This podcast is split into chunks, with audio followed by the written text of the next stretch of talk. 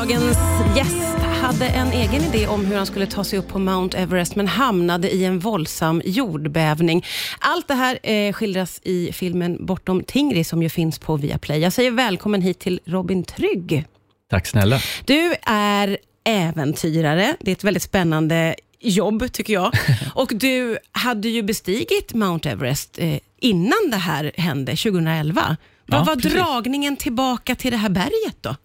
Eh, nej, men det fanns ingen då i Sverige som hade bestigit bägge sidor av Mount Everest. Jag gjorde sydsidan då från, från Nepal, Ja. men, ville prova nordsidan från Tibet, eller Kina är det ju idag. Ja. Eh, Och vad är, det med, vad är det med den här typen av äventyr som lockar dig så? Oj, om det är en sån här, jag- skulle kunna sitta i tre timmar tror jag. Ta den korta versionen. Jag tar, jag tar den korta. Eh, nej, nej, men det, det är en kombination av väldigt mycket. Både det här att få utmana sig själv och driva sig själv mot ett mål som kanske från början ter sig helt omöjligt till alla människor man får träffa, kulturer man får bo i, platser man får besöka. Det, det är en, ett sammelsurium av allt det där tror jag. Ja. Eh, och eh, Den här idén då om att göra det igen, eh, Mm. berätta om den. Eh, vad var det som var liksom drivkraften i det, tyckte du? Nej, nej men om, om, egentligen efter då 2011, det, den turen tog 70 dagar tur och retur. Och, och sen efteråt, på varje vår, då, så man blir inte kritiserad, men jag får ju stå där medan de här bilderna kablas ut, de här långa köerna upp till toppen. Och, och jag är ju en del av det, så jag kan ju inte kritisera det och samtidigt vill jag inte vara där bland de här köerna. Så jag ville försöka hitta ett annat upplägg när jag skulle göra nordsidan. Eh, och då hittade vi Choyo, som är världens sjätte högsta berg, och tänkte att ja, men om klättrar jag Choyo först, där kommer jag vara helt ensam. Och sen åker jag till Mount Everest, då är jag akklimatiserad. Jag har alla de här röda blodkropparna som krävs för den här höga höjden. Och, och istället för 70 dagar på Mount Everest som första gången, så kanske jag kan bara gå rakt upp på en vecka. Ja. Eh, Så det var ju egentligen grundtanken då, kort, kort beskrivet. Ja, just det. Och eh, din vapendragare, får man ju säga, Mm. är eh, skärpan eh, Shiring. Berätta om er vänskap. Eh, nej men det var en av mina närmsta vänner idag och eh, vi hörs väl, inte varje dag, men varannan. Han bor i Colorado numera. Ah, Okej. Eh, men- hur, hur eh, träffades ni första gången? Vi träffades i bergen, Ja. gjorde vi. Och, och eh, det, vår vänskap blev väl betydligt starkare i, under den här filmen, eftersom vi var med om så himla konstiga saker. Men det jag tyckte var fint i, i allt det här hemska var att vi, vi hittade varandra. Liksom. Man hade samma typ av värderingar och tänkte över livet på ungefär samma sätt. Och, och det, det blev betydligt djupare. Eh, och, och Det tror jag har gjort att vi har en så bra relation idag, att vi, vi hittade verkligen varandra mitt i skiten, om man får uttrycka det så. Ja, för eh, det händer ju någonting alldeles, alldeles oerhört eh, på den här expeditionen. Vi pratar vidare om det strax här på Rix FM. Riks FM. Idag gästas jag av eh, Robin Trygg som är äventyrare eh, och som är aktuell med filmen Bortom Tingri. Eh, Vi pratar om när du och eh, Shiring skulle bestiga Mount Everest. Ni är ju med om någonting alldeles oerhört, eh, eh, en jordbävning. Vad är det som sker? Vart befinner ni er när det här brakar loss? Vi är eh, på Choyo, världens sjätte högsta berg, och, och är där rätt tidigt på säsongen, så det är bara jag och Kirring där. Och, och Det var lite tanken också, det var där vi skulle klättra och få ensamma och liksom sätta leden själva. Och När vi ska börja klättra, den, den morgonen, så är det så pass dåligt väder, det är snö eh, och dimma, och så vi bestämmer oss för att, att vi, vi struntar i att klättra idag, vi, vi börjar imorgon istället. Okej. Och eh, det räddade nog livet på oss, för, för den dagen lite senare så, så börjar marken bara skaka.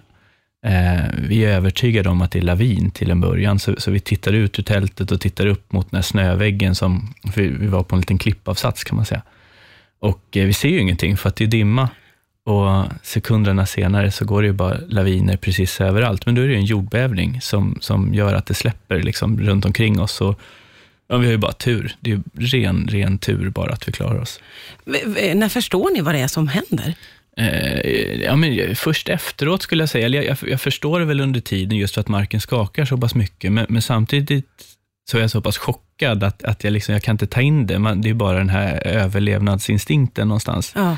Så det är först efteråt när det har lagt sig igen som man säger, oj, vad hände egentligen? Ja. Eh, Men sen efteråt har jag fått lära mig, det har jag aldrig varit med om en jordbävning förut, så, så när det är, och det var ett jättestort skalv, det var ju strax under 9,0 Ja, på den här. Richterskalan, eh, så kommer det kontinuerligt efterskalv. Just det. Så att vi fick ju sitta på den här då klipphyllan, eller vad man ska säga, i, i några dagar och sova i skift och, och turas om att sova och liksom väcka varandra varje gång det kom efterskalv, då, för det kommer kontinuerligt efteråt. Men ni måste ju ha varit i chock när ni tillbringade den där tiden på Klippan, eller? Ja, jag, jag var så himla rädd. Var jag. Ja. Det, jag var livrädd. Och, och jag satt där, och nu, det låter nästan lite så här klyschigt, men, men du vet, man är äventyrare och man ska leva livet och den dagen man dör ska man ha uppfyllt alla sina drömmar och allt det där. Man ska inte ångra någonting. Och, och där är egentligen enda gången under mina 15 år av klättring som jag ångrade saker, när jag trodde att jag skulle gå bort. Och, och det var inte det här att jag skulle klättra Everest eller att jag skulle ha liksom, köpt en Ferrari. Det, jag hade aldrig berättat för, för folk i min omgivning hur mycket jag tyckte om dem. Jag hade aldrig ställt upp för folk. Om det såna Var det det du började tänka Ja. på när du satt på Klippan? ja, att, att så här, grejer som egentligen inte kostade pengar eller var särskilt svårt. Eller jag hade ju missat allt det där som egentligen är rätt enkelt. Och sen när jag, alltså, det satt jag och ångrade då. Jag skulle ju inte ångra någonting. Nej. Så det, det var en riktig sån här näsbränna. Hur, blev, hur påverkade det dig då, att det kom upp?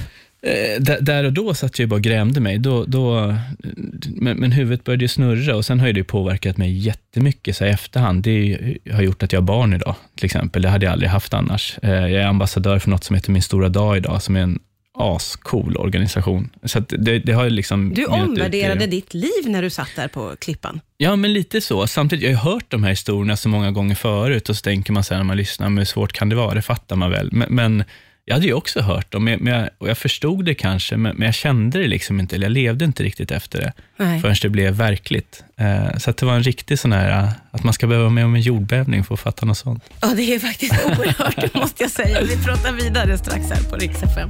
Riks FM. Jag gästas av eh, Robin Trygg idag som är äventyrare och som delar med sig av den här otroliga historien eh, när Mount Everest ska bestigas. Men en jordbävning sätter stopp för det här och eh, du och din kompis och eh, Sherpa Chering sitter på en klippavsats och får so- sova i skift i flera dygn eh, när efterskalven skakar.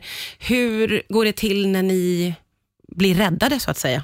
Eh, nej men nu, vädret blir bättre så småningom och vi lyckas ta oss ner och ta oss ut därifrån och, och ta oss hem till och med till slut till Stockholm. Ja. Eh, och Shiring återvänder till USA då, där han bor. Eh, men, men först så stannar vi i Kathmandu i, kommer inte ihåg om det var en vecka, en dryg vecka, och, och genom eh, samarbetspartners till mig så får vi utrustning då, som vi flyger runt med och, och försöker hjälpa till där under, under jordbävningens första dagar. Mm. Och det var ju också en syn, det var som att åka runt i en film. Det, det är något man aldrig, aldrig kommer glömma tror jag. Nej, nej, det förstår jag verkligen. Eh, och, och Det här ändrar ju allting för dig. Jag, jag, förstår, jag har förstått det som att eh, eh, ja, du är ju själv öppen med att du har offrat väldigt mycket för äventyret. Mm. Både vad gäller vänner och familj och sådär. Men allt det, här börjar, det här har ju kommit upp till ytan när du satt på klippavsatsen. Vad tar du med dig för tankar när du åker hem sen då? Eh, nej, men det var väl om man, kort och koncist, att jag, jag hade ju inte ägnat en tanke åt någon annan än mig själv, höll jag på att säga. Tydligt. det lät hårt, Ja. men eh, det var nog så. Jag hade ju varit så himla ego. Jag behövde det, tror jag, för att utvecklas och liksom fatta vad jag ville och vem jag var. Och, och, men, men efter den händelsen, så, så istället för att ögonen var inåt på mig själv, så, så riktade jag dem utåt istället. Och det eh, har jag fått ut jättemycket av idag.